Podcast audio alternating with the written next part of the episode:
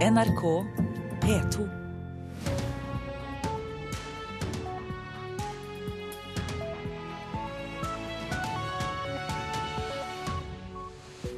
Tirsdag 26. mai 6.30 er dette overskriftene.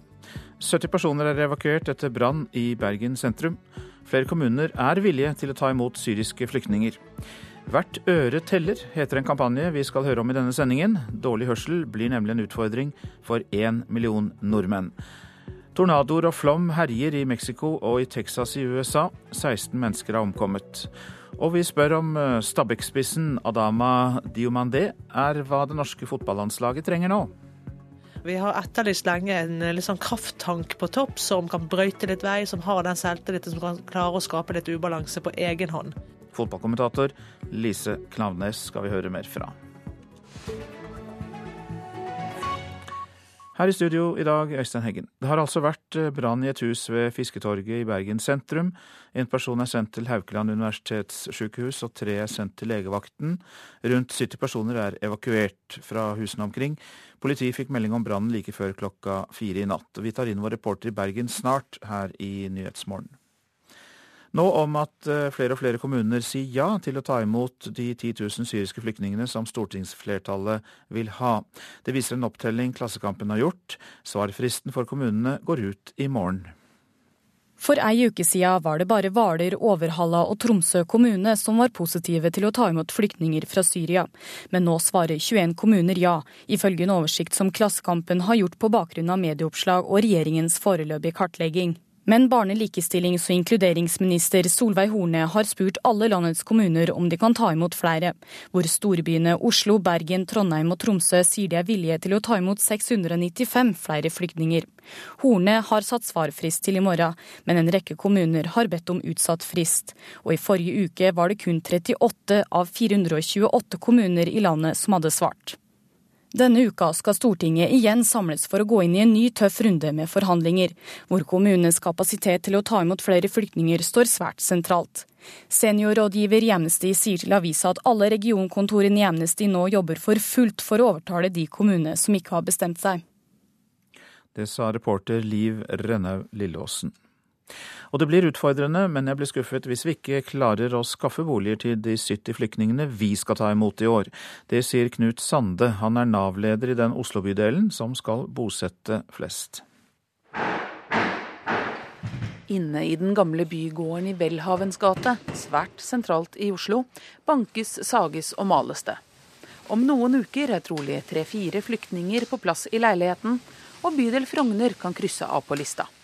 Til sammen 70 flyktninger skal bosettes i bydelen i år. Så skal vi se Her skal det pusses opp. Ja, badet er stort sett klart. Det trenger åpenbart et nytt, nytt dusjkabinett. Og ellers så ser det helt greit ut. Eh, ikke helt det badet vi kanskje vil ha hjemme, men eh, helt greit. Det er malte flater, og det er gulvbelegg på gulvet. Men det blir ikke fliser og varmekabler? Nei, det blir ikke fliser eller varmekabler.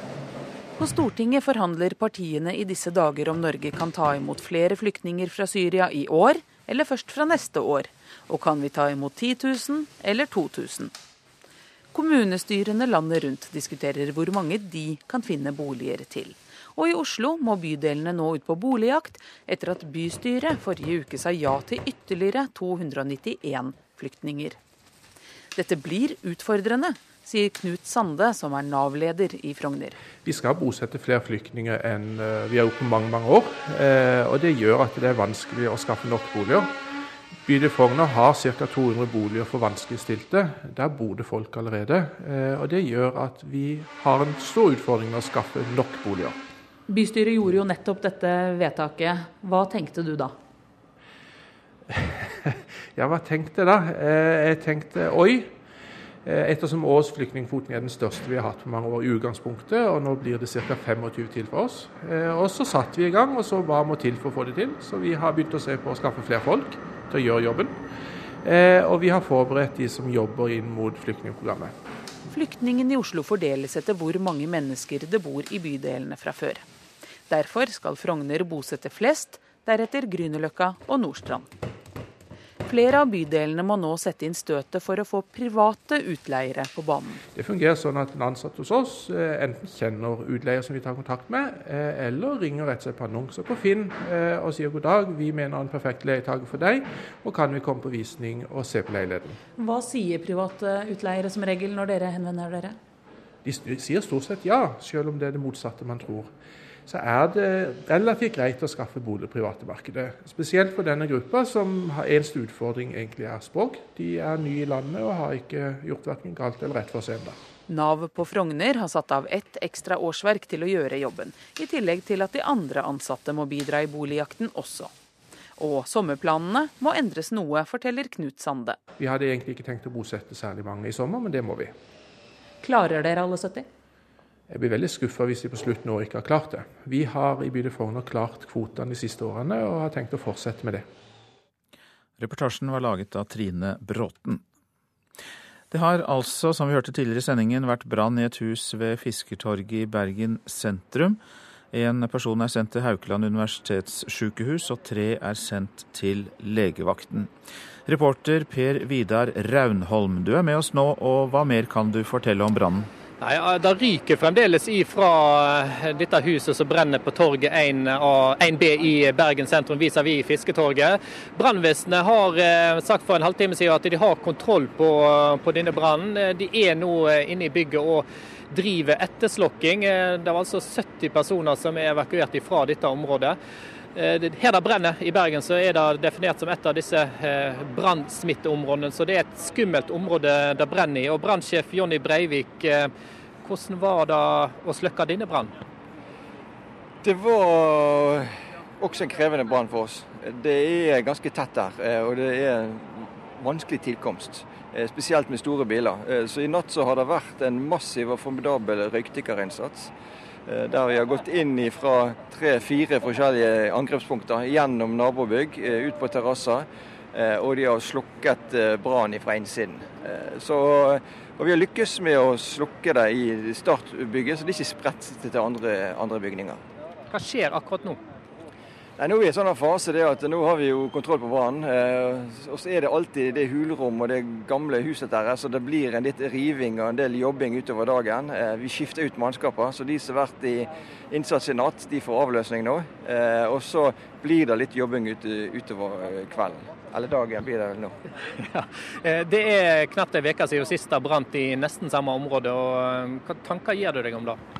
Det gjør oss eh, en viktig påminning om at det arbeidet vi gjør er viktig. Og ikke minst det å samarbeide mellom det forebyggende arbeidet, informasjon til beboere, at du har varslingsutstyr og alt det på plass, og den operative håndteringsevnen som vi skal ha. Og I dette tilfellet her så har Alt fungert sånn som det skal. Eh, det var varslingssystemer i bygget. Det ble varsla tidlig. Vi kom tidlig på plass. Gode rutiner, godt utstyr. Eh, og da blir resultatet sånn som det blir. Her i Bergen så puster brannvesenet letta ut etter at de har fått kontroll på denne brannen på torget 1B i Bergen. Takk til deg, reporter Per Vidar Raunholm, som altså hadde med seg brannsjef i Bergen, Jonny Breivik. Lederen av Høyres kunnskapsutvalg, Kristin Vinje, vil erstatte dagens barnetrygd med gratis barnehage og gratis skolefritidsordning. Hun sier til Aftenposten at dersom skolen skal lykkes med å gi elevene like muligheter, så må tidlig innsats styrkes. I dag bruker staten 15 milliarder kroner på barnetrygd hvert år, skriver avisen. FNs barnefond Unicef mener imidlertid at flere barn vil bli fattige uten barnetrygden. Innen eh, fem år så kommer det trolig til å være én million nordmenn med hørselvansker. Nå skal vår hørsel testes i en landsomfattende kampanje som heter Hvert øre teller. Men først et eksempel fra nettstedet sansetap.no. Her er først en samtale i en T-banevogn, slik den høres for dem som har vanlig hørsel. Deretter for en person med moderat hørsel. Hei, det var lenge siden. Hvordan står det til? Det er greit det er mye å gjøre. Ja, sånn er det jo for oss alle. Eh, men det hadde vært hyggelig å møtes eh, en kveld, kanskje? Ja, kanskje det. Du har hyggelig. Ja.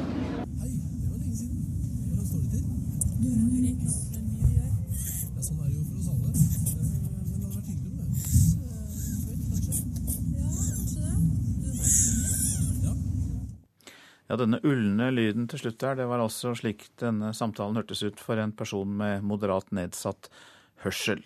Og leder i Hørselhemmedes Landsforbund, Morten Buan, god morgen til deg. God morgen, ja. Ja, dette eksempelet, var det ganske talende, for å si det sånn, for hvordan hørselhemmede har det? Eh, Ja, jeg tror nok det. Det var et godt eksempel på den eh, sånn som de oppfatter hverdagen. Nå skal det altså settes i gang en storstilt eh, testing over hele landet. Si meg litt mer om hvordan det skal foregå. Ja, vi starter i dag klokka tolv foran Stortinget. Og da eh, vil det etter hvert bli muligheter for å få testa hørselen sin på 80 plasser rundt over hele landet. Det er en sånn årlig aksjon som Hør- Hørselhemmedes Landsforbund har. Og da er det bare å møte opp når man får informasjon hvor det er, og så får man testa hørselen sin gratis. Hva er de største utfordringene dere har i dette hørselsarbeidet? Ja, vi, vi ser jo en, at det er stadig flere som får utfordringer med hørselen. Både først og fremst eldre, men også yngre. Og Bakgrunnen for det ligger i at det er stadig flere som får mye støy på øret, enten ø, av popkonserter eller via at man har propper i øra, bl.a. Så det er stadig flere som merker hørselutfordringer. I yrkesaktiv alder så ser vi at, eh, ja, antar vi at det er rundt 275 000 som eh, er, eh, har hørselutfordringer. Og noe av utfordringen vår da, det er at de ja, mister både hva skal jeg si, mestringsevne og at de gradvis støtes ut av yrkesaktivt liv. altså. Men nå har jo samfunnet i flere tiår, vil jeg tro, kjempet for at det skal bli eh, færre hørselsskader på jobben. Eh, Og det har de vel kanskje til dels klart. Og så er det likevel et stort problem som bare blir større og større. Det er jo ironisk nok eh, slik det er nå. Ja, det har både noe med tilrettelegging, men det har også noe med holdning å gjøre. Vi kjørte en undersøkelse for en tid tilbake, og da ser vi at én av syv arbeidsgivere er skeptiske til å ansette folk med hørsel, eller nedsatt hørsel. Og så kommer det da kanskje ikke nødvendigvis fra den hørselsskaden man får på jobben, men eh, like mye fra å høre musikk for tett inn på øret. Ja, det er jo litt av bakgrunnen. Du skal bl.a. møte LO-lederen i dag. Hvorfor det? Ja, vi utfordrer jo de, hva skal jeg si, både arbeidsgiver- og arbeidstagerorganisasjonene for å få et mer inkluderende arbeidsliv, og at de blir også oppmerksom på hørselutfordringer. Um, Og ikke minst får en fokus på tilrettelegging på arbeidsplassene. Men folk kan få testet hørselen sin. Det er bare å være obs på denne kampanjen dere har satt i gang, Morten Buan. Ja, det vil de kunne få. Takk skal du ha. Du er leder i Hørselhemmedes eh, Landsforbund.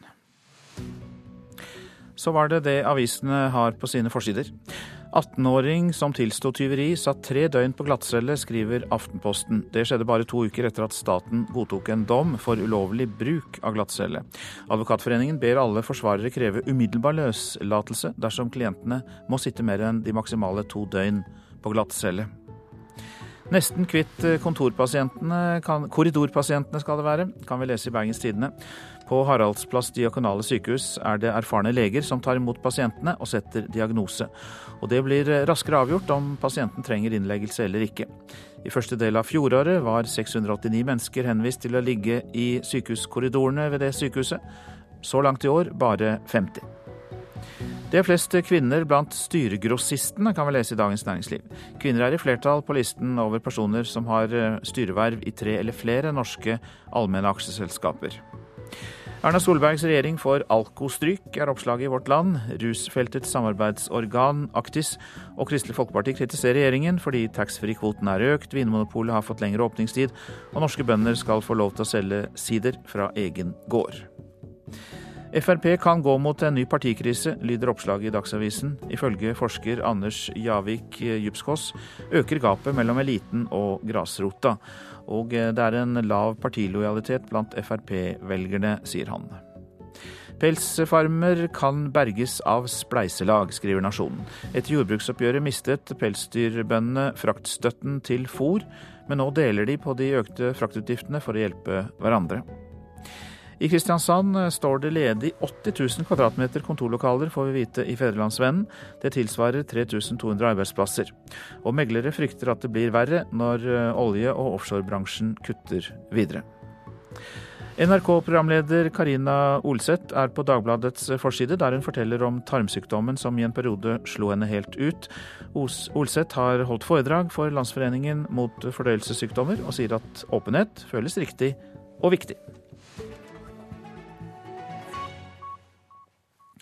Han er akkurat det Norge trenger nå. Det sier NRKs fotballekspert Lise Klaveness om Stabæk-spiss Adama Diomandé.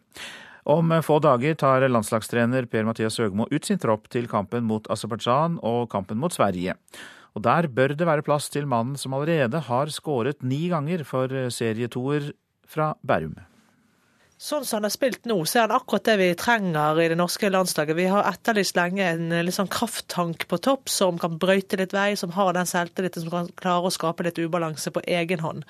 Nettopp dette har Diamande bidratt med i Stabæk. Syns at han har prestert så godt at han helt klart må få sjansen. NRKs fotballekspert Lise Klavenes er krystallklar. Høgmo bør finne plass til mannen som har storspilt for Stabæk i år.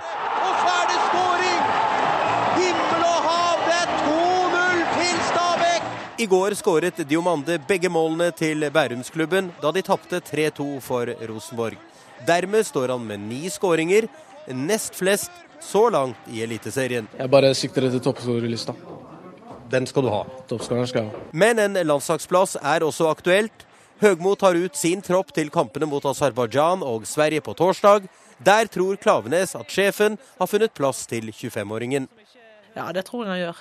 Eh, Jeg tror helt klart Høgmo har fått med seg det samme som meg. Han er, er selvfølgelig en dyktig trener, han har fått dette med seg, og jeg tror han blir tatt ut.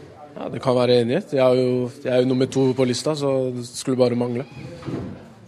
Så får vi se hva Høgmo gjør. Reporter her, Olav Tråen. Dette er Nyhetsmorgen, og klokka den nærmer seg 6.47. Dette er hovedsaker. 70 personer er evakuert etter brann i Bergen sentrum. Brannvesenet sier de har kontroll over brannen som var ved nær Fisketorget. Flere kommuner er villige til å ta imot syriske flyktninger. Og vi skal høre at kinesiske embetsmenn og deres ektefeller blir tatt med på omvisning i fengsler for å se hva som venter dem dersom de blir tatt i korrupsjon. Først nå om at tornadoer og flom har tatt livet av minst 16 mennesker nord i Mexico og i Texas i USA.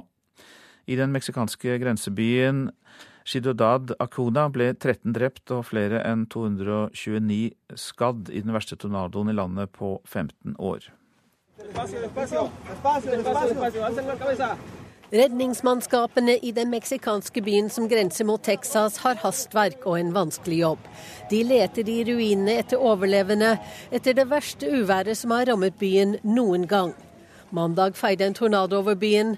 Den varte bare i seks sekunder, men ødela rundt 750 betongbygninger. Rev ned vegger og tak og vippet personbiler og store trailere over ende. De fleste av dem som er funnet omkommet, befant seg utendørs da uværet rammet, ifølge ordføreren. Også ved grensa i Texas har uvær tatt liv. Minst tre mennesker er døde etter en flom som delstatsguvernøren sammenligner med en tsunami. Homes have been completely wiped off of the map. 24 fylker i delstaten er rammet av tornadoer, kraftig regn og flom, og tusenvis av mennesker er uten strøm. Reporter Wenche Eriksen. I Beijing har myndighetene begynt med forebyggende antikorrupsjonsarbeid. Mer enn 70 høyere embetsmenn og deres ektefeller er tatt med på et oppbyggelig besøk i et fengsel for å se hva de har i vente dersom de lar seg friste. Korrupsjon er et enormt problem i det nye Kina. Så langt fra Mao, så tett på mammon. Kina er på hundredeplass på fjorårets liste fra Transparency International over verdens mest korrupte land. Det er 20 plasser verre enn året før, til tross for at antikorrupsjonsarbeidet har fått stor oppmerksomhet i Midtens rike de siste årene. En rekke høyprofilerte rettssaker har endt med lange fengselsstraffer for sentralt plasserte tillitsmenn i kommunistpartiet. Det tjener kommunistpartiet til ære at antikorrupsjonsarbeidet er så høyt prioritert, samtidig som alle de utro tjenerne svekker partiets posisjon.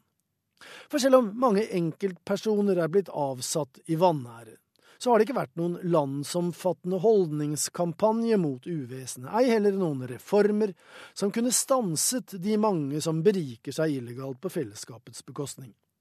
I en slik sammenheng kan skremselsturer til soningsanstalter, der samtaler med tidligere dømte kollegaer inngår, etter alt å dømme virke avskrekkende. Ifølge avisen The Global Times har flere kadre nå begynt å poengtere at de først og fremst er partimedlemmer, og deretter offentlig ansatt. De fremhever denne politisk viktige nyansen i form av tittel på sine visittkort, for å understreke at partiet står over byråkratiet. De kreative utfluktene til lite innbydende fengsler skal ifølge kinesiske medier ha funnet sted over hele landet. På den kinesiske varianten av Twitter, Weibo, har desillusjonerte kommentatorer med galgenhumor foreslått at når de mange tjenestemennene først er i fengsel på soningsbefaring, så er det liten grunn til å la dem slippe ut igjen, da de fleste av dem, etter bloggernes mening, sannsynligvis hører hjemme i fengsel uansett, så utbredt som korrupsjonen i Kina er. Reporter Joar Hoel Larsen. Ni mennesker døde under et fangeopprør i Brasil i helgen, som varte i 18 timer og endte med at 70 gisler ble satt fri. De ni fangene ble drept av, andre fanger, av andre fanger som innledet opprøret i besøkstiden søndag ettermiddag. Innsatte bevæpnet med kniver tok besøkende, blant dem kvinner og barn, som gisler for å tvinge fram samtaler om forholdene i fengselet. Etter 18 timer med forhandlinger er opprøret over, sa en talsmann for fengselet, som ligger nær byen Salvador de Baya, som ligger på den brasilianske østkysten. Regjeringen vil gjøre bibliotekene til en valgkampsak, og varsler at de legger fram den nasjonale strategiplanen for bibliotekdrift før kommunevalget.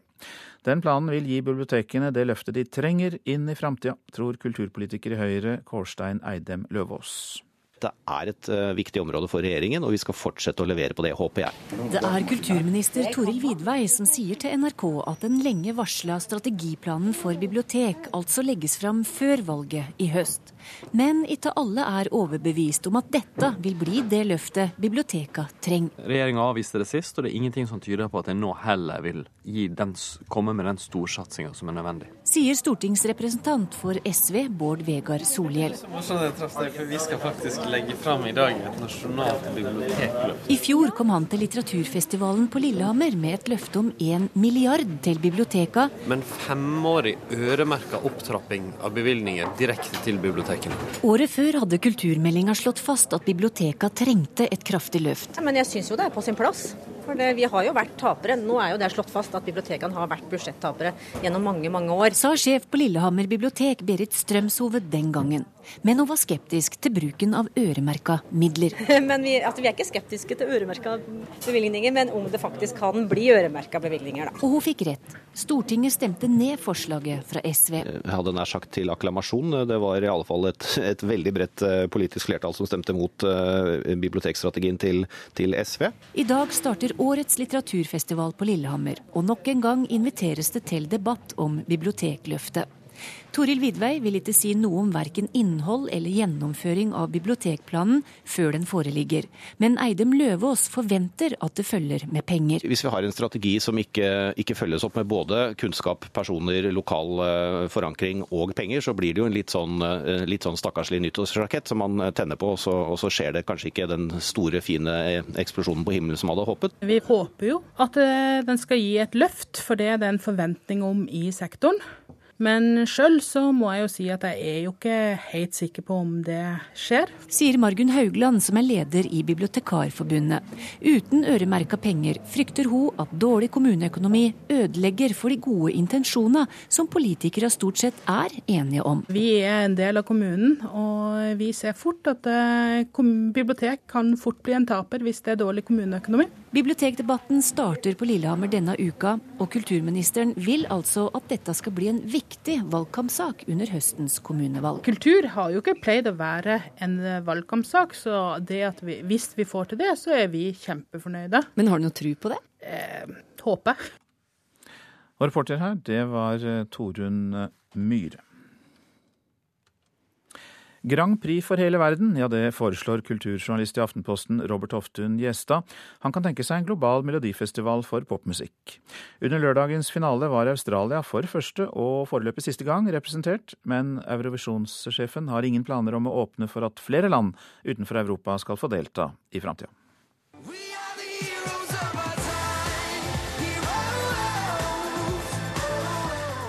Det ble forhåndsfavoritten svenske Mons Selmerløv som med låta 'Heroes' gikk av med seieren under lørdagens finale av Eurovision Song Contest. Finalen besto i år av 27 sanger, og for første gang var et av bidragene fra et land langt utenfor Europas grenser med i konkurransen. Låta 'Tonight Again', sunget av den australske popstjernen Guy Sebastian, kom på en hederlig femteplass i landets Eurovision-debut. Australia var invitert til å delta i konkurransen av Den europeiske kringkastingsunionen EBU i forbindelse med 60-årsjubileet til Eurovision Song Contest. Det framsto som veldig, veldig morsomt og veldig spennende, og for så vidt veldig riktig òg. Vi vet jo at det er stort publikum for Eurovision i Australia. Sier kulturjournalist i Aftenposten Robert Hoftun Gjestad. Og Australias finaleinnsats fikk ham til å tenke nytt. Så fikk meg til å tenke at her kanskje vi ikke skal bare kalle det en Eurovision, men en World Vision. Lage en konkurranse som, som tar med seg hele verden. Eh, Det er jo på en måte ingen grunn til å, å legge en grense rundt det lenger i en global verden. Men å åpne for at land fra hele verden skal kunne delta i Eurovision, er ikke noe EBU vil gjøre med det første. Ja, Nå er det jo ikke sånn at det står en lang kø utenfor våre kontorer i Genéve for å være med i Eurovision Song Contest. Det er eh, egentlig veldig få steder utenom Europa hvor Eurovision Song Contest er eh, noe som eh, folk har et forhold til. Sier Jon Ola Sand, sjef for Eurovision Song Contest. Nei, Nå er Eurovision Song Contest på maksgrensen når det gjelder størrelse. Det er veldig komplisert å øke dette videre. Det er medlemmene våre, vanlige public service-kringkastere, som skal overta dette hvert år. og Da må det være på et nivå og innenfor en økonomisk ramme som det er mulig å håndtere. Robert Hoftun Gjestad mener imidlertid at en større produksjon ikke nødvendigvis vil bli dyrere for hvert enkelt land. Du kan fortsatt holde deg til det konseptet sånn som det er i dag, tror jeg, med to semifinaler og en finale. Litt flere land per semifinale. Litt færre som da går videre til en finale, der det samler alle sammen. Jeg tror, skal, jeg tror ikke det blir nødvendigvis blir så veldig mye, mye dyrere. Men inntil videre får verken Australia eller andre land være med i neste års Eurovision Song Contest. Reporter var Ingvild Fjelltveit. Værvarselet nå fram til midnatt. Fjellet i Sør-Norge skyet eller delvis skyet. Enkelte regnbyger. Snø over ca. 1000 meter. Flest byger i nordlige fjellområder første del av dagen. Og så ser vi Østlandet, Telemark og Aust-Agder samlet i dag. Det blir enkelte regnbyger på Østlandet vesentlig ettermiddag. Det blir perioder med sol i dette området, og da spesielt i de sørlige delene. Vest-Agder stort sett pent vær, men utover dagen litt mer skyet i vest. I ettermiddag oppe i stiv kuling vest for Oksøy. Rogaland delvis skyet, oppholdsvær. Fra ettermiddag enkelte regnbyger, snøbyger over ca. 1000 meter. Stiv kuling på kysten sør for Obrestad. Hordaland og Sogn og Fjordane får delvis skyet oppholdsvær. Fra i ettermiddag regnbyger riktignok, og det kommer som snøbyger over ca. 800 meter. Møre og Romsdal skiftende skydekke, enkelte regnbyger, også der snøbyger over 800 meter. I kveld økende bygeaktivitet. Trøndelag får for det meste skyet vær og regnbyger, mest da i indre og nordlige strøk. Snøbyger i høyereliggende strøk. Utover dagen blir det lettere vær i Trøndelag. Nordland på Helgeland skyet og enkelte regnbyger. Lenger nord delvis skyet. Utpå dagen kan det også bli regnbyger i Salten og Ofoten. Kort og greit værvarsel for Troms, stort sett pent vær. Finnmark får det meste oppholdsvær og perioder med sol. Fra i ettermiddag østlig liten kuling på kysten i nord. Så går vi til Nordensjøland på Spitsbergen. Der blir det stort sett oppholdsvær. Og vi har fått med oss temperaturene også i dag, fra målinger klokka fem. Svalbard lufthavn 0, Kirkenes pluss 5, Vardø 4, Alta 3, Tromsø-Langnes 4. Bodø 8, Brønnøysund, Trondheim og Molde alle med 7 grader. Bergen-Flesland 5, Stavanger 6, Kristiansand-Kjevik 7. Gardermoen 6, Lillehammer 7, Røros 3 grader og Oslo-Blindern hadde 8 grader. Og så sier vi farvel til våre lyttere i P1 pluss, men fortsetter i P2 Alltid nyheter.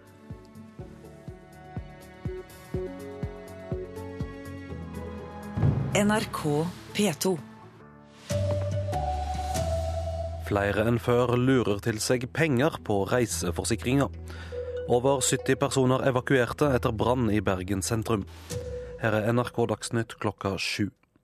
Forsikringsselskapet har avslørt svindel for 73 millioner kroner på bare tre måneder. Men de fleste forsikringskunder er ærlige, sier Stine Neverdal, kommunikasjonssjef i Finans Norge.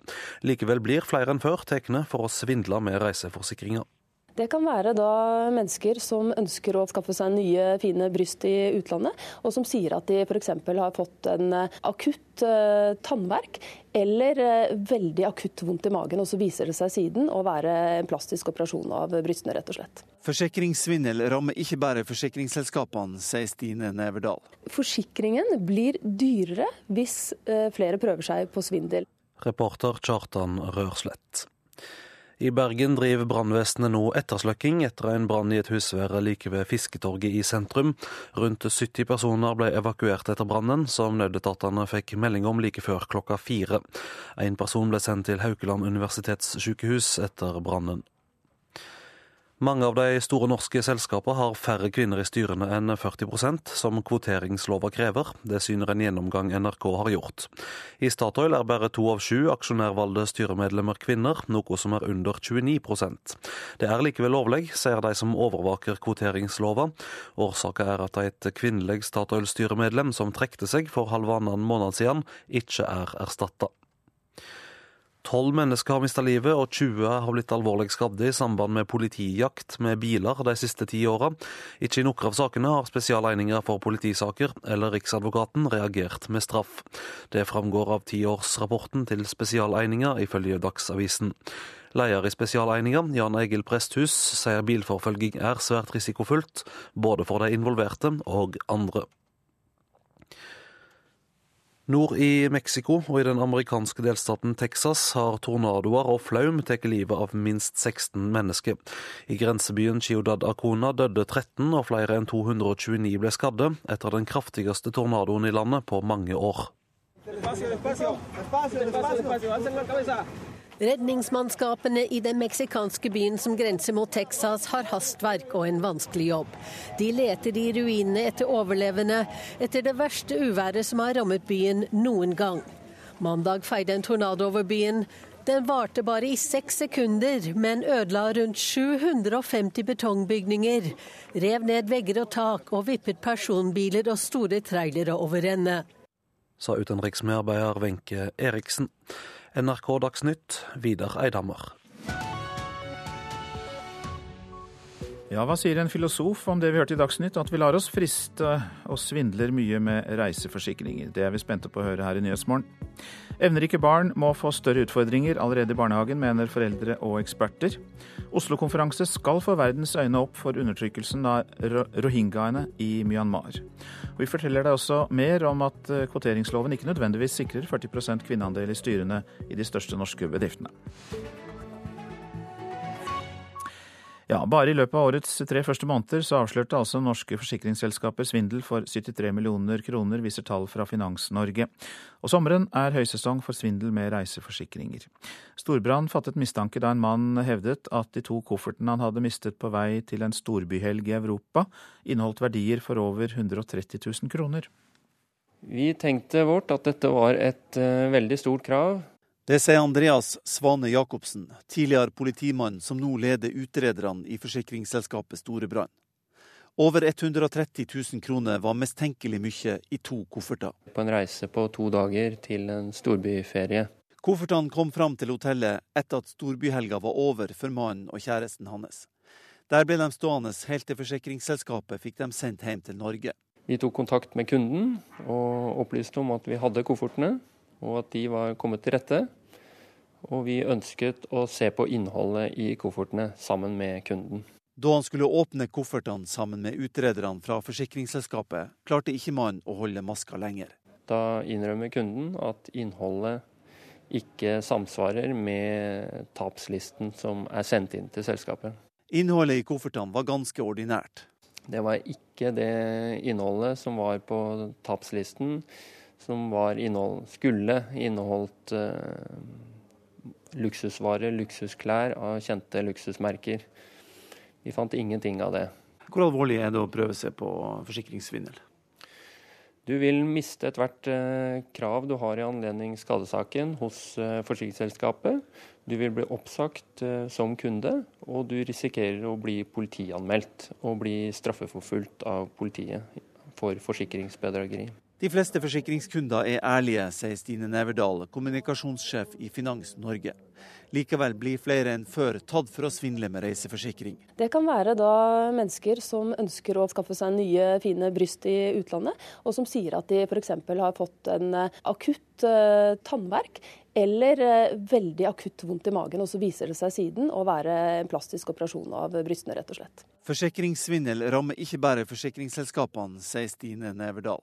Forsikringen blir dyrere hvis uh, flere prøver seg på svindel. Mannen som påsto han hadde mista verdier for over 130 000 kroner i koffertene, var ifølge Andreas Svane Jacobsen i Storebrand en godt bemidla mann. Det sier meg det at uh, forsikringssvindel er noe som foregår i alle sosiale lag. At det ikke spiller ingen rolle om du er godt bemidlet eller ikke.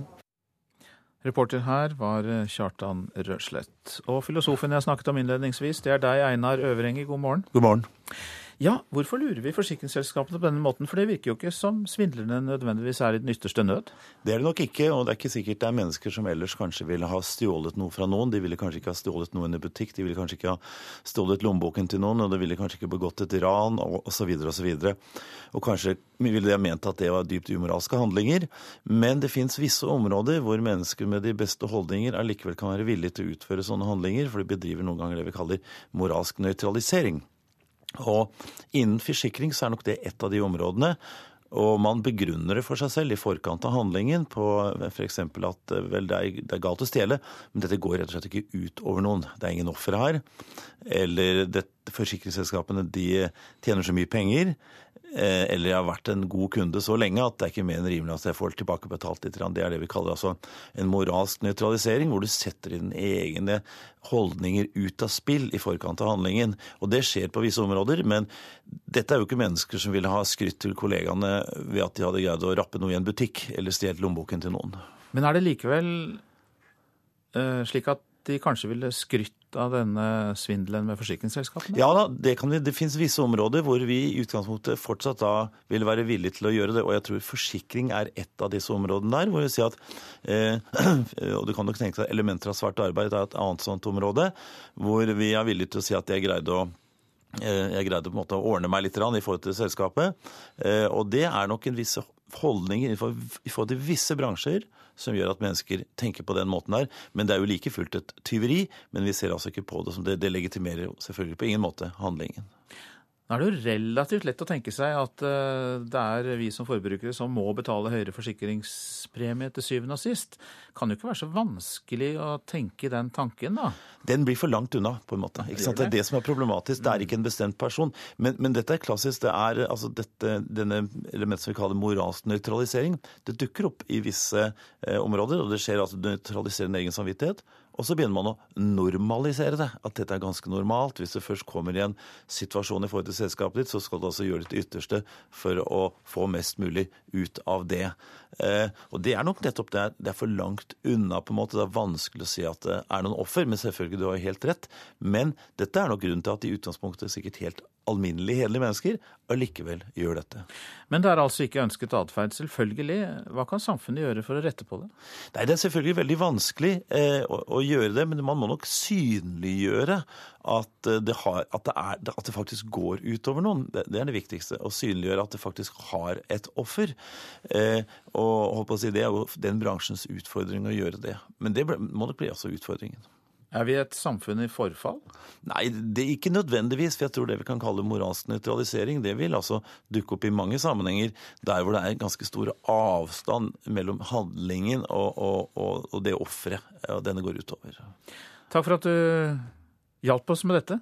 Einar Øverenge, du er eh, filosof og sto tidlig opp for å komme hit for å snakke om hvorfor vi snyter på reiseforsikring. Takk skal du ha. Se takk. Rundt 70 eh, mennesker ble evakuert etter en brann ved Fisketorget i Bergen sentrum i natt. Politiet ble varslet om brannen like før klokka fire. En person er sendt til sykehus, og brannvesenet driver nå etterslukking. Tidlig varsling gjorde at brannvesenet klarte å få kontroll over flammene, forteller brannsjef Jonny Breivik. Det er fortsatt eh, jobbing i selve brannhuset, men de har kontroll. Eh, det har vært en massiv og formidabel røykdykkerinnsats i dag. Huset her ligger midt inni en, ja, et kvartal med, med, hus. Du ser det er en del murbygg ut mot allmenningen her, og så er det trehus inne i midten. og det er Ett av de har vært i, i fyr. Hvordan har dere klart å hindre det for å spre seg til flere enn eh, det huset som har brent i? Det viktigste er at vi får tidlig varsel. Eh, det var brannalarm i huset og varsel veldig tidlig. Eh, vi er drilla på disse der. Mannskapene våre har dette her som sin viktigste oppgave. Å rykke ut etter prosedyrer, komme raskt til. Og kombinert med med det at eh, vi kom så tidlig til stedet, så greide vi å slukke brannen i det starthuset. Og det er det beste vi kan få til i en sånn situasjon. Det sa brannsjef Jonny Breivik i Bergen til reporter Jon Bolstad. Du trodde kanskje kvoteringsloven sikret 40% kvinner i styrene til Norges største bedrifter, men eh, i Statoil, Telenor og Yara er andelen kvinner eh, langt lavere. Alle disse mannsdominerte styrene har eh, også nylig erstattet mannlige konsernsjefer med nye menn. Well, thank you, thank you, Twain, for the very nice words. Sa Sigve Brekke da han for to uker siden ble annonsert som Telenors nye konsernsjef. And uh, let me start with uh, thanking the board for um, giving me this opportunity. Nylig har også styrene i Statoil og Yara, anført av mannlige styreledere, erstattet mannlige konsernsjefer med nye menn.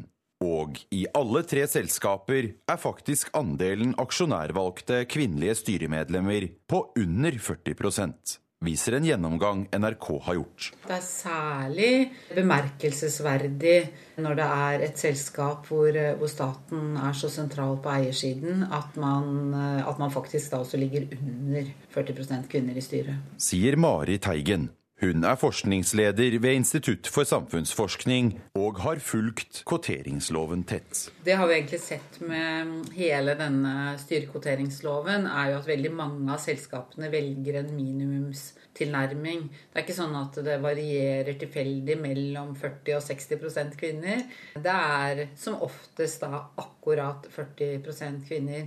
Og med det absolutte minimum av kvinner i styrene kan man altså også havne under 40% For Telenor og Yara er det mulig fordi loven ikke krever mer enn tre aksjonærvalgte kvinner i et styre på åtte. Det er akkurat dette med åtte styrerepresentanter som flytter mest på kravet. I Statoil er faktisk kun to av syv aksjonærvalgte kvinner. En andel på under 29% Det er likevel lovlig, fastslår de som overvåker kvoteringsloven. Årsaken er at et kvinnelig Statoil-styremedlem som trakk seg for halvannen måned siden, ennå ikke er erstattet. Hvis et styremedlem fratrer, så er det jo sånn at uh, nytt valg kan utestå til neste generalforsamling. Sier Øyvind Vågan, leder av foretaksregisteret i Brønnøysund.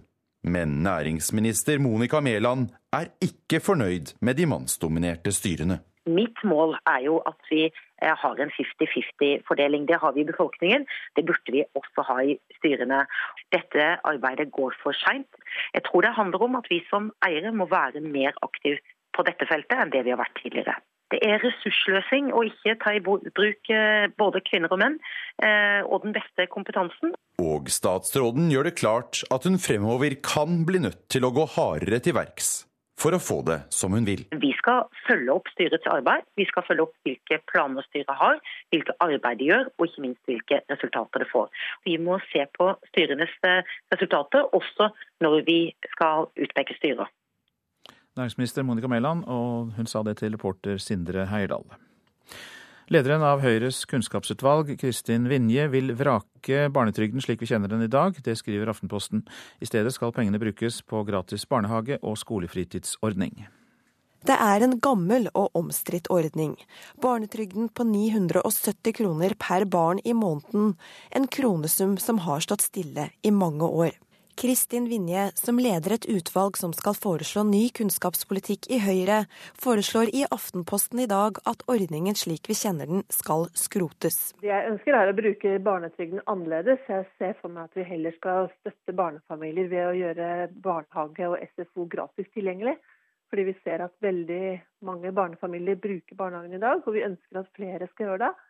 Eh, og da tenker vi at eh, det er de små barna eller barnefamiliene, yngre barnefamilier som trenger støtten aller mest. Høyres kunnskapsminister Torbjørn Røe Isaksen er derimot kritisk til forslaget, og mener at det ikke er et målrettet tiltak for fattigdomsbekjempelse. Det er jo et, eh, et eh, drastisk forslag, så jeg forstår godt at det er innvendinger. Men jeg syns det er på tide å revurdere barnetrygden, som er en gammeldags ordning, og som eh, fortjener at vi diskuterer bruken av penger på en annen måte fremover.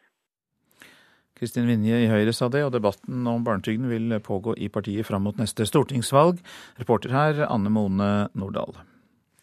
Begavede barn må få tilpasset opplæring allerede i barnehagen. Det mener flere eksperter. Barnehagebarn eh, som tidlig har lært seg å lese og skrive, kjeder seg ofte fordi de ikke får oppfølging på sitt nivå. Spøkelser, spøkelser. Små og store spøkelser. Seks år gamle Jonathan har bokstavboken oppslått foran seg. Han kan både lese og skrive, og liker å telle. Vi legger det sånn, så har vi 25 her, 25 her, 25 her. Her i Montessori-barnehagen på Nesttun er det mest lek.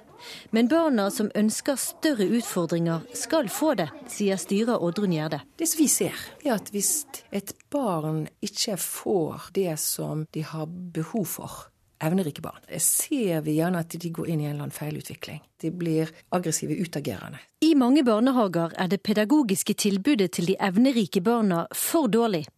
Det mener sosiolog og foreldrekoordinator i Foreningen Lykkelige barn, Tove Hagenes. Bare det å få lov til å sitte og leke seg litt med bokstavene, med tallet, kanskje å lese litt for de andre i samlingsstund hvis man har lært å lese som treåring. Det handler egentlig om å få lov å være den en er. Mellom 2 og 5 av norske barn regnes for å være begavede eller spesielt evnerike rike. Lykkelige barn får jevnlig henvendelser fra foreldre som forteller at barna kjeder seg i barnehagen. Linda Apalnes Gardar er barnehagelærer og har master i barnehagepedagogikk. Også hun mener norske barnehager må bli bedre på å stimulere de evnerike barna vil si at det er lite kunnskap blant eh, ansatte i barnehager. I barnehagelærerutdanninga så har det ikke vært eh, noen eh, oppmerksomhet rundt evnerike barn. Seks år gamle Jonathan Corrivø Sedeno snakker i tillegg til norsk både fransk, spansk og litt engelsk. Han liker å lese og regne, men han er klar på hva som er det gøyeste i barnehagen. Styresamlingsstund. Får du lov til det? Ja. Reporter var Siri Løken. Klokka den eh, nærmer seg med raske skritt 7.18, og vi har disse hovedsakene i Nyhetsmorgen. 70 personer ble evakuert under en storbrann i Bergen, nær Fisketorget i natt. En person er sendt til Haukeland universitetssykehus. Brannen er nå under kontroll. Vi svindlet forsikringsselskaper for 73 millioner kroner i årets tre første måneder, og nå er det høysesong for svindel med reiseforsikringer. Oslo-konferanse skal få verdens øyne opp for undertrykkelsen av rohingyaene i Myanmar. Det skal vi straks høre mer om. For den amerikanske mangemilliardæren George Soros og fredsprisvinner Desmond Tuti deltar i dag på en konferanse i Oslo om nettopp rohingya-folket i Myanmar. Soros, som selv overlevde nazistenes forfølgelse av jøder, ber verden gripe inn før forfølgelsen av rohingyaene utvikler seg til et folkemord. Nazi genocide are alarming. Fortunately, we have not reached the stage of mass killing, I feel very strongly that we must speak out before it is too late, individually and collectively. George Soros var det. Og Reporter Philip Lote, du er med oss fra Nobelinstituttet der det hele foregår. Og hva er da det viktigste målet med denne konferansen? Konferansen har fått eh, navnet Oslo-konferansen for å få slutt på forfølgelsen av eh, rohingyaene i Myanmar. Det er det presise navnet. Og Audun Ågre, daglig leder i Burma-komiteen, hva er det dere ønsker å oppnå? Nei, Vi ønsker at uh, verdens søkelys skal rettes mot denne uh, konflikten i Rakhine-staten. Eh, da vi planla denne, denne konferansen, så var uh, verdens søkelys ikke på rohingya-spørsmålet i Rakhine-staten. De siste ukene har man sett en stor internasjonal oppmerksomhet, nettopp fordi man har sett den humanitære krisen i kjølvannet av at man ikke har klart å løse denne uh, krisen politisk. Så det vi ønsker å gjøre, er å, å bidra med litt press på burmesiske myndigheter, også det internasjonale samfunnet, for å finne en løsning. Det kommer ingen fra myndighetssiden her. Hvordan er det man ønsker å komme i dialog med myndighetene? Nei, Denne konferansen har handlet om å, å, skape fokus på dette problemet. Eh, så dette er ikke en stor konferanse hvor vi inviterer myndighetene også. Eh, det håper vi kommer i neste runde. Etter min mening må dette eh, spørsmålet løses med, med, hjelp av det internasjonale samfunnet, FN, USA, EU, Norge. Og at man da i dialog med burmesiske myndigheter finner eh, et bra startpunkt på veien videre. Samtidig som man også må inkludere myndighetene i Bangladesh for å finne bilaterale, bilaterale løsninger. Eh, for i dag så produserer man egentlig et statsløst folk eh, på grenseområdene mellom Burma og, og Bangladesh, og det er uholdbart. Og så er det en del av navnene som ikke har vært eh, kjent, og noen av de, de dere håpet skulle kunne delta, har heller ikke kunnet kommet. Men hvorfor har dere holdt noen av navnene tilbake? Nei, Vi har sett at eh, utreisetillatelsen for eh, noen av de vi ønsket at skulle komme, har vært vanskelig å få. og De har blitt inndratt fra burmesiske myndigheter i enkelte tilfeller. Både utreise fra Sitve i Rakhine-staten, og også enkelte parlamentarikere som ikke har fått uh, reise. Samtidig så er jeg veldig glad for at det kommer mange buddhistiske ledere, bl.a. flere munker, som virkelig har stått i bresjen for å skape en forsoning mellom religionene, som kanskje er det viktigste startpunktet av de alle for å finne en, en løsning på hvordan muslimer og og buddhister og kristne skal leve sammen i, i, Burma, som har vært preget av et diktatur i 60 år. Vi kan nevne at noen, eh, en parlamentariker som faktisk er rohingya, men som sitter for militærpartiet som hadde håpet å komme, han har ikke fått lov å eh, reise ut. Og Audun Ågre, helt til slutt, hvis du helt kort skal oppsummere, hva er essensen i problemet med diskriminering av rohingyaene? Essensen er at uh, dette er en folkegruppe som har oppholdt seg i grenseområdene siden før den britiske kolonitiden, men som da ikke anerkjennes som et folkeslag. Uh, og hvor burmesiske myndigheter mener at dette er illegale immigranter fra Bangladesh, og hvor Bangladesh på andre siden sier at dette er et burmesisk folkeslag som de ikke har noe ansvar for. Og Konferansen den åpner klokken ni, og da skal det bl.a. være appeller med Desmond Tutu, George Soros som vi hørte før, og også nobelprisvinner i økonomi Amartya Sen. Da skal da reporter Philip Lote ved Nobelinstituttet. Vi hørte altså da Audun Ågre også, leder av Burma-komiteen. Obama-administrasjonen forsikrer Iraks statsminister om fortsatt amerikansk støtte til kampen mot IS. Det skjer etter at USAs forsvarsminister Aston Carter i helgen beskyldte irakiske styrker for ikke å ha vist vilje til å slåss. apparently happened was that the Iraqi forces just showed no will to fight. Uh, they were not outnumbered. Uh, in fact, they vastly outnumbered the opposing force. De irakiske styrkene viste ingen vilje til å kjempe i Ramadi, selv om de var både overlegne og i flertall, sa Ashton Carter til CNN på søndag. Uttalelsene til den amerikanske forsvarsministeren har både vakt oppsikt og harme i Irak, der statsminister Haider al-Abadi mener Carter er feilinformert. I går ringte også visepresident Joe Biden til Abadi for å forsikre ham om at irakerne fortsatt har USAs støtte i kampen mot IS. USAs militære har i dag vel 3000 soldater i Irak. De fleste av dem jobber med trening av de irakiske sikkerhetsstyrkene, mens rundt 800 er der for å beskytte amerikanske fasiliteter og personell. Carters utsagn var ikke høflige. Men de stemmer likevel med virkeligheten, mener amerikanske forsvarseksperter. USA ønsker ikke å sende store styrker tilbake til Irak. Men innad i Det hvite hus skal det være enighet om at den nåværende strategien i landet ikke fungerer. Tapet av Ramadi var et knusende nederlag både for Irak og USA. Og statsminister Abadi sa til BBC i går at hans styrker vil gjenerobre byen så raskt som mulig. Forsvarsminister Ashton Carter mener imidlertid det er manglende vilje som er det største problemet til de irakiske sikkerhetsstyrkene. We have an issue with the will of the Iraqis to fight ISIL and defend themselves. Now, we can give them training, we can give them equipment. We obviously can't give them the will to fight. Reporter her var USA-korrespondent Tove Bjørgaas. Nå til avisene. 18-åring som tilsto tyveri, satt tre døgn på glattcelle, skriver Aftenposten. Det skjedde bare to uker etter at staten godtok en dom for ulovlig bruk av glattcelle. Advokatforeningen ber alle forsvarere kreve umiddelbar løslatelse dersom klientene må sitte mer enn maksimaltiden på to døgn. Nesten kvitt korridorpasientene kan vi lese i Bergens Tidende. På Haraldsplass diakonale sykehus er det erfarne leger som tar imot pasientene og setter diagnose. Dermed blir det raskere avgjort om pasienten trenger innleggelse, og de får færre korridorpasienter. Vilje til å ta imot syrere er oppslaget i Klassekampen. Et flertall av de norske kommunene som har svart på regjeringens forespørsel, er åpne for å bosette flere syrere, også storbyene. Frp kan gå mot en ny partikrise, lyder oppslaget i Dagsavisen. Ifølge forsker Anders Javik Djupskås øker gapet mellom eliten og grasrota i partiet, og det er lav partilojalitet blant Frp-velgerne. Pelsfarmer kan berges av spleiselag, skriver Nasjonen. Etter jordbruksoppgjøret mister pelsdyrbøndene fraktstøtte til fôr, men nå deler de på de økte fraktutgiftene for å hjelpe hverandre.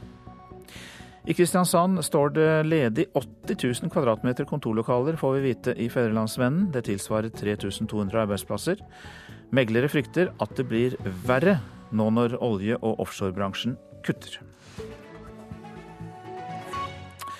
Så spør vi hvor viktig det er at taxisjåførene snakker norsk, og godt norsk. Ganske viktig, mener Samferdselsavdelingen i Buskerud, som ønsker å innføre språkkrav. Mm.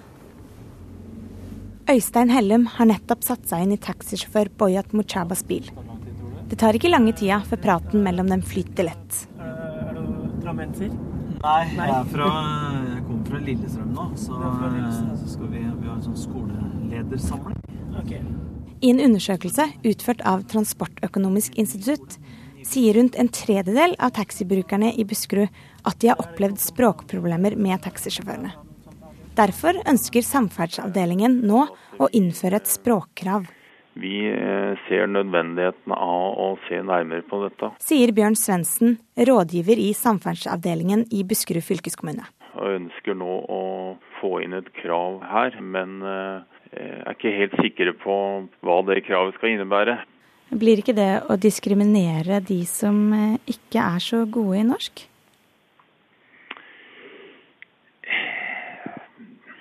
Poenget er jo at uh, dette er et serviceyrke hvor kommunikasjonen med kundene er veldig viktig. Hvor viktig er det for deg å ha en samtale som det er når du kjører taxi?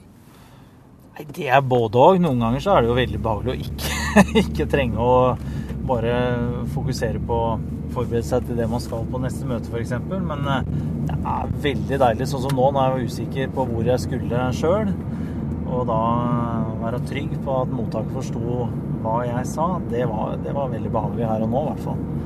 Men sånn generelt så, så tenker jeg at eh, å være obs på det at hvis man setter de ikke kommer ut i arbeid, så vil jo det i hvert fall ikke stimulere til å bli bedre i norsk, det heller. Så jeg tenker jo at eh, det, det er en dimensjon man må ta med seg i den debatten der. Boyat Mochaba selv ønsker forslaget velkommen. Vi får eh, dårlige rykter pga. de som ikke kan norsk. Syns du det er hyggelig å prate med kundene dine? Ja, det er alltid hyggelig å prate med folk, eh, og det liker jeg selv personlig. Eh, det er hyggelig det er der man bygger opp samtale hvis man kan språket. Ja, og dette forslaget om språkkrav skal først opp til høring før det blir aktuelt å innføre det i Buskerud. Reporter var Nora Brønseth. Du lytter til Nyhetsmorgen, produsent i dag Ingvild Ryssdal, her i studio Øystein Heggen.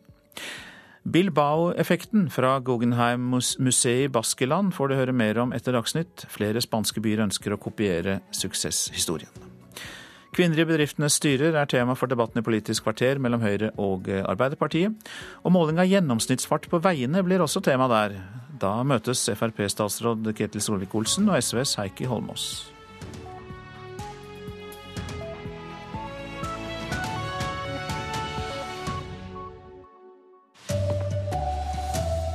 Det er fremdeles menn som sitter i styrene i de største selskapene trass kvoteringslova. Forsikringsselskapene har blitt svindla for over 70 millioner kroner bare til nå i år. Bostadhus ved Fisketorget i Bergen sto i full fyr. Brannvesenet har nå kontroll. Her er NRK Dagsnytt klokka 7.30. Tolv år etter at eh, kvoteringslova ble innført, er det fremdeles ikke 40% kvinner i styrene i de største selskapene i landet. I Statoil, Telenor og Yara er det stor overvekt av menn, og disse mennene velger også menn som konsernsjefer. Well, thank you, thank you Twain, for the very nice words. Sa Sigve Brekke da han for to uker siden ble annonsert som Telenors nye konsernsjef. The, let me start with uh, thanking the board. Nylig har også styrene i Statoil og Yara, anført av mannlige styreledere, erstattet mannlige konsernsjefer med nye menn. I alle tre selskaper er faktisk andelen aksjonærvalgte kvinnelige styremedlemmer på under 40% viser en gjennomgang NRK har gjort. Det er særlig bemerkelsesverdig når det er et selskap hvor, hvor staten er så sentral på eiersiden at man, at man faktisk da også ligger under 40% kvinner i styret. Sier Mari Teigen. Hun er forskningsleder ved Institutt for samfunnsforskning. Det har vi egentlig sett med hele denne styrekvoteringsloven, er jo at veldig mange av selskapene velger en minimumstilnærming, som oftest da akkurat 40% kvinner. I Statoil er faktisk kun to av syv aksjonærvalgte kvinner, en andel på under 29% det er likevel lovlig. Årsaken er at et kvinnelig Statoil-styremedlem trakk seg for halvannen måned siden. Men næringsminister Monica Mæland er ikke fornøyd med de mannsdominerte styrene. Mitt mål er jo en 50-50-fordeling. Det har vi i befolkningen. Det burde vi også ha i styrene. Dette arbeidet går for seint. Vi som eiere må være mer aktive på dette feltet enn det vi har vært tidligere. Reporter Sindre Heierdal. En person er skadd og sendt til Haukeland universitetssykehus. Tre ble sendt til legevakt etter en brann ved Fisketorget i Bergen sentrum. Rundt 70 personer ble evakuert. Politiet fikk melding om brannen like før klokka fire. Reporter Per Vidar Raunholm, hva er det siste? Ja, Det siste nå er at det ryker fremdeles lett ifra branntomten, men brannvesenet har kontroll på denne brannen. Jeg var eh, for litt siden oppe i nabobygget og så ned på dette huset som eh, har brent i morgentimene. Og Det er egentlig ganske utrolig at eh, brannvesenet har klart å avgrense denne brannen til kun dette huset. For her ligger det tett i tett med småhus inne i dette kvartalet, som altså ligger i Vågsbunn vis-à-vis Fisketorget i Bergen. Området det har brent i, er jo definert som et brannsmitteområde i Bergen. Det er bare ei ukes tid siden det brant i samme område, så brannvesenet har eh, virkelig fått eh, kjørt seg den siste tida. Og eh, nå For kort tid siden så kom òg bergensordfører Trude Drevland ned for å takke brannfolkene for innsatsen. For dette her har vært en formidabel innsats av røykdykkere. 30 90 mannskaper fra Bergen brannvesen har vært inne i dette lille huset og jobba på spreng for å få kontroll. Eh, de forteller til meg at det har eh, vært trangt og vanskelig, men at det nå er kontroll, og at brannen er sløkt, og at eh, de nå puster letta ut etter denne storbrannen i morgentimene i Bergen. De tre første månedene i år ble det svindla med forsikringer for 73 millioner kroner. Det syner tall fra Finans Norge. Og enda har vi ikke kommet til høgsesongen for svindel med reiseforsikringer sommeren. Selskapet Storbrann fatta mistanke da en mann hevda de to koffertene han hadde mista på vei til storbyhelg i Europa, var verd over 130 000 kroner. Vi tenkte vårt at dette var et uh, veldig stort krav det sier Andreas Svane Jacobsen, tidligere politimann som nå leder utrederne i forsikringsselskapet Storebrand. Over 130 000 kroner var mistenkelig mye i to kofferter. På en reise på to dager til en storbyferie. Koffertene kom fram til hotellet etter at storbyhelga var over for mannen og kjæresten hans.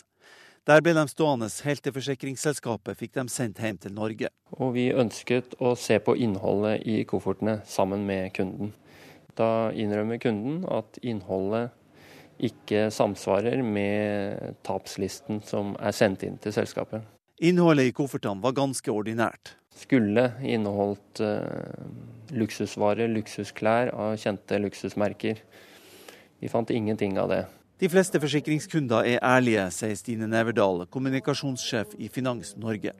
Likevel blir flere enn før tatt for å svindle med reiseforsikring. Det kan være da mennesker som ønsker å skaffe seg nye, fine bryst i utlandet, og som sier at de f.eks. har fått en eh, akutt uh, tannverk eller uh, veldig akutt vondt i magen, og så viser det seg siden å være en plastisk operasjon av brystene, rett og slett. Forsikringssvindel rammer ikke bare forsikringsselskapene, sier Stine Neverdal.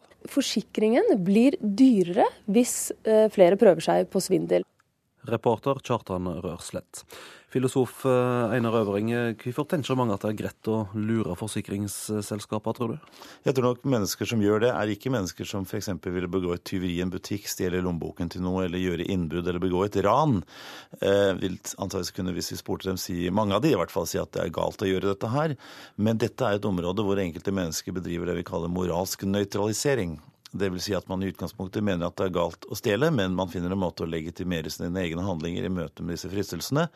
Og typisk i møte med forsikringsbransjen så er det nok noe sånt som at uh, dette går egentlig ikke utover noen. Det har ingen offer.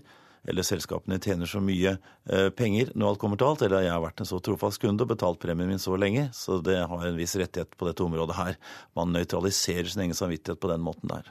Er det sosialt akseptert å tuske til seg penger fra store selskap eller staten? Ja, mer enn det er f.eks. å stjele fra noen eller, eh, eller å si, begå et innbrudd og sånt. Når man, vanskelig å tenke seg en person som skryter til sine arbeidskolleger at han stjal lommeboken til noen, men at man gjør dette i forhold til forsikringsselskaper, er mer tenkelig, for å si det sånn.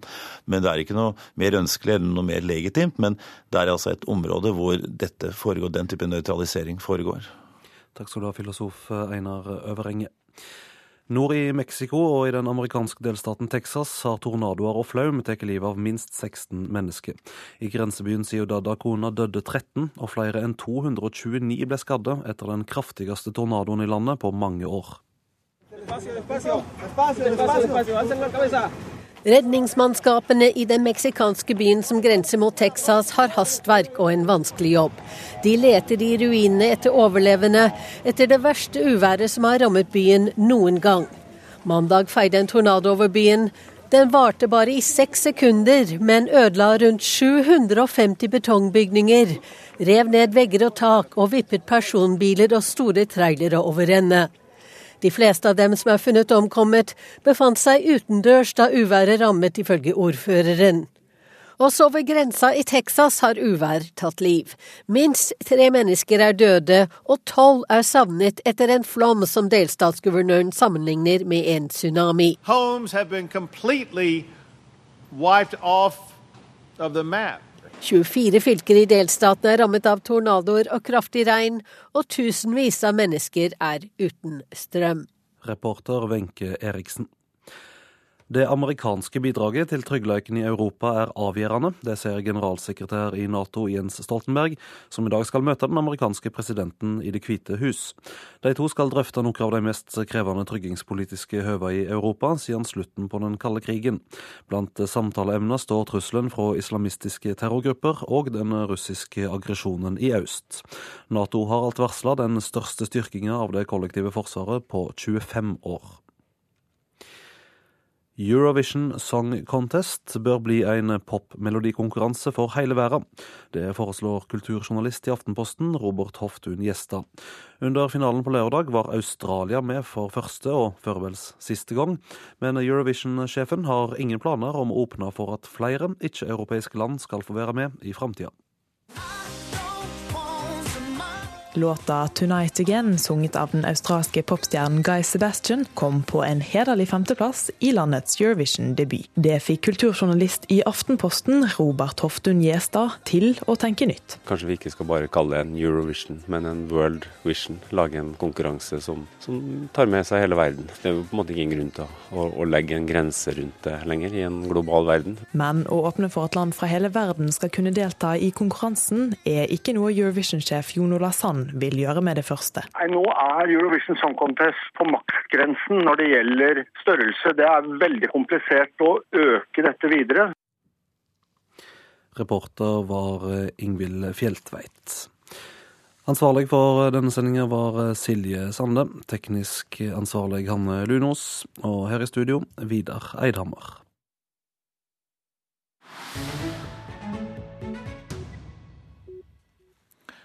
Du lytter til eh, Nyhetsmorgen. I Spania har Baskeland merket mindre til krise og arbeidsledighet enn resten av landet. Mange ser til Bilbao, der det spektakulære Guggenheim-museet får mye æren for byens relative velstand. Det skjer i en tid som er svært vanskelig for resten av landet. Mange ønsker å overføre Bilbao-effekten til sin by, forteller Joar Hoel Larsen.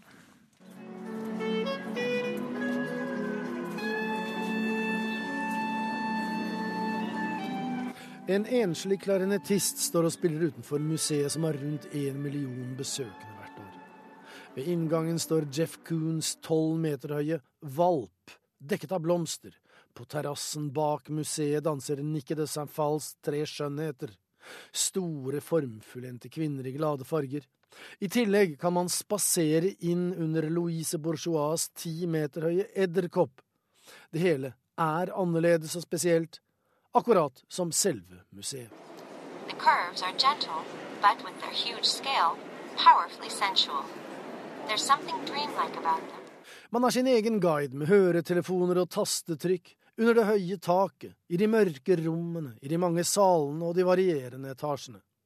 Guggenheim-museet er bygget i 1997, men gir ennå et futuristisk inntrykk med sine titanplater og glassflater, sine skråvinkler og buer, som reflekterer lyset forskjellig etter hvert som dagen går. The museum is covered in scales to capture the light. The effect as the sun sets is guaranteed.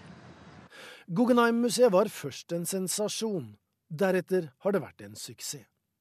Museet, som er en kunstgjenstand i seg selv, fikk æren av å ha sikret Bilbaos fremtid. Byen var nede for telling. ETA-terror hadde gitt Baskerland et dårlig rykte.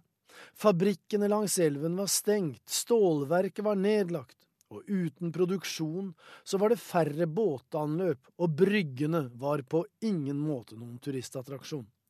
Arbeidsledige og stoffmisbrukere preget bybildet. Men alt dette ble snudd da museet kom. Da oppsto begrepet Bilbao-effekten, et uttrykk arkitekten selv, Frank Gehry, misliker fordi en slik effekt eksisterer ikke, sier han. I don't like this term Bilbao effect because people since Bilbao come to my office and uh, want to uh, hire me to do the Bilbao effect. I tillegg til vilje og misjoner må man ha gjennomføringskraft og ikke minst en sammensatt og helhetlig plan, er budskapet. Bilbaos politikere vedtok en dristig og kostbar helomvending. De rev fabrikken og rensket opp langs elven. De bygde gangbroer over og promenader langs Nervion, som elven heter. De hyret inn andre verdensberømte arkitekter, fikk ny flyplass, ny T-bane, nytt stadion, et resultat av nye tanker og ny mentalitet. Andre byer har bedt Gary ordne opp for dem, skaff dem et museum, så skal de gjøre resten. Oh, they say, don't worry, we'll work that out later. Just make the Bilbao effect. Det går altså ikke an, skal man tro de som vet mer enn de fleste. Det er ikke mulig å gjøre som Bilbao gjorde. Mange byer har forsøkt, de fleste som har bygget dyrt, har feilet. Nå er ikke alt bare fryd og gammen i Bilbao heller. Alle problemer er på ingen måte løst.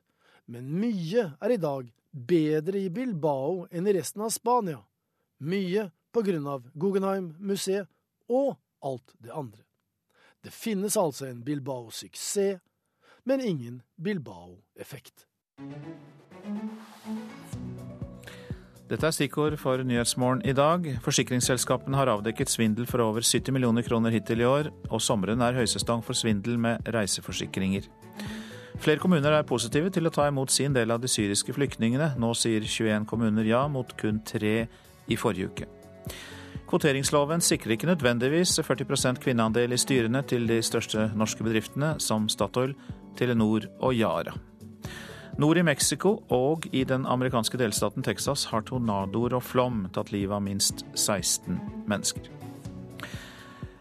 Vi nærmer oss Politisk kvarter nå kvart på åtte, og programleder der er Astrid Randen.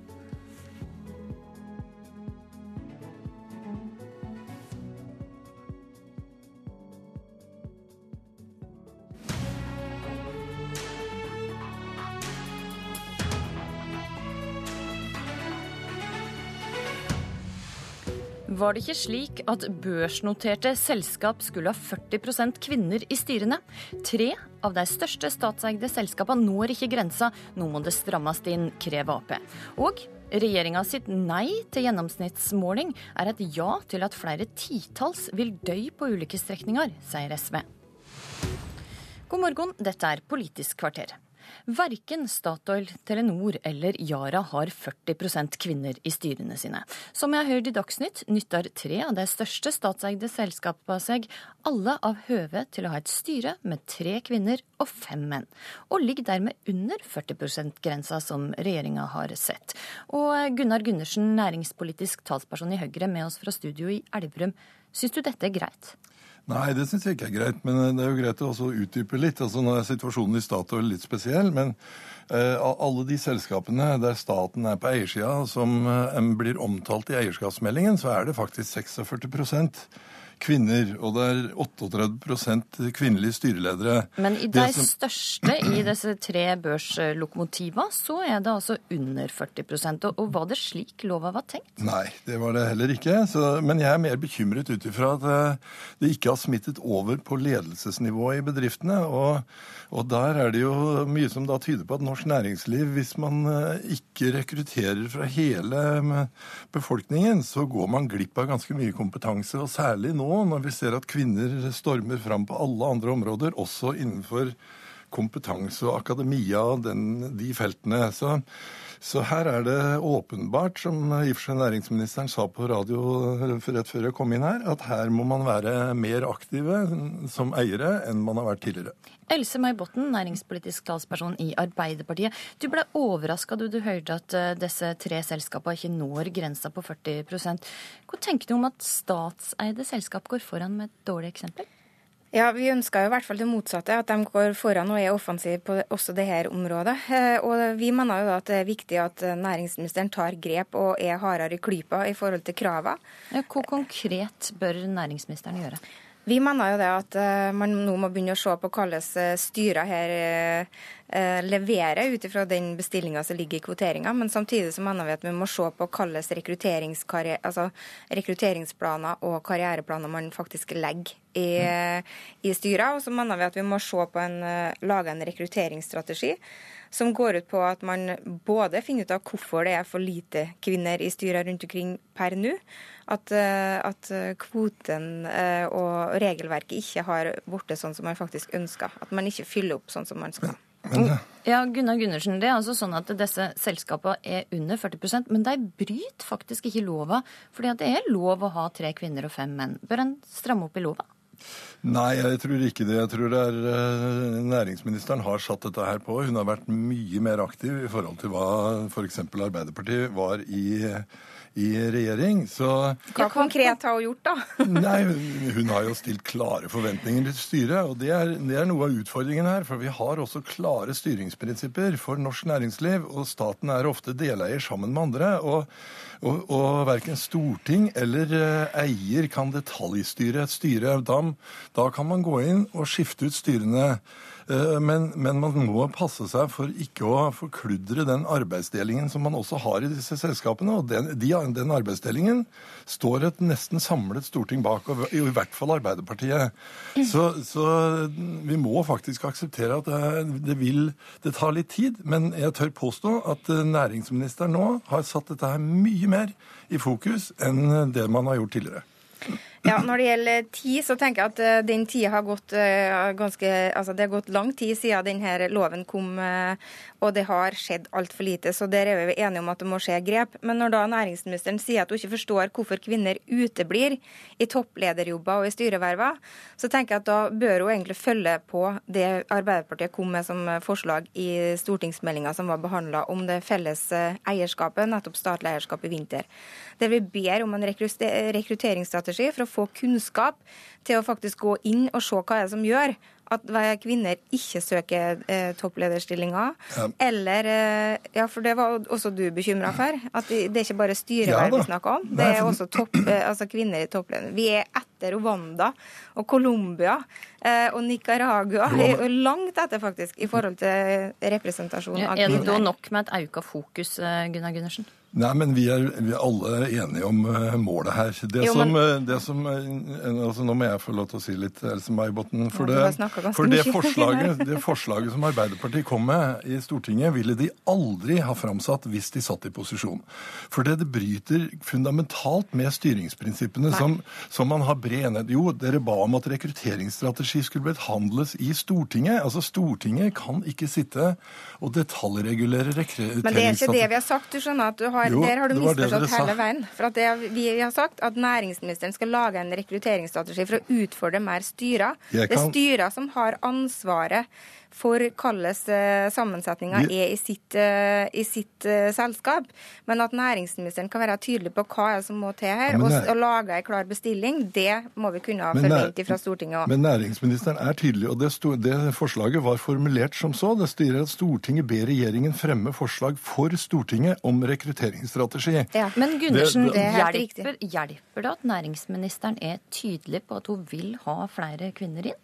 Hjelper det noen ja, ting i det hele tatt? Ja, det var jo den forrige regjeringa òg. Det, det, det, var langt mindre uttrykt eh, den gangen. Det, er klart det hjelper. Altså, vi, altså, staten har en samme rett som alle aksjonærer til å fremme forslag for valgkomiteer når det gjelder styrer. Og hvis styrer ikke er villige til å ta signaler fra sin store eier, så må de også forvente at da vil det skje noe på den siden. Så det er klart det hjelper. Det er faktisk den type styringsprinsipper vi har i norsk næringsliv. Og det vil være ganske alvorlig hvis vi begynner å bryte. Og som sagt, Arbeiderpartiet har støttet fullt ut og, har til dels også utarbeidet disse styringsprinsippene. Så vi er alle enige om målet. Jeg, men min bekymring er ut ifra næringslivets eget perspektiv. Altså de, må, de bør rekruttere de beste.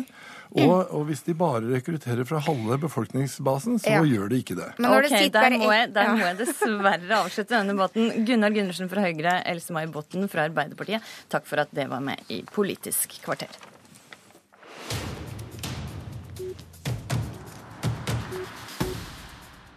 Nå skal vi snakke om gjennomsnittsmåling i trafikken her i Politisk kvarter. Det foregår slik at en tar et bilde når du passerer den første fotoboksen, så et nytt når du kommer til den neste. Tida du bruker mellom fotoboksene avgjør om du får bot.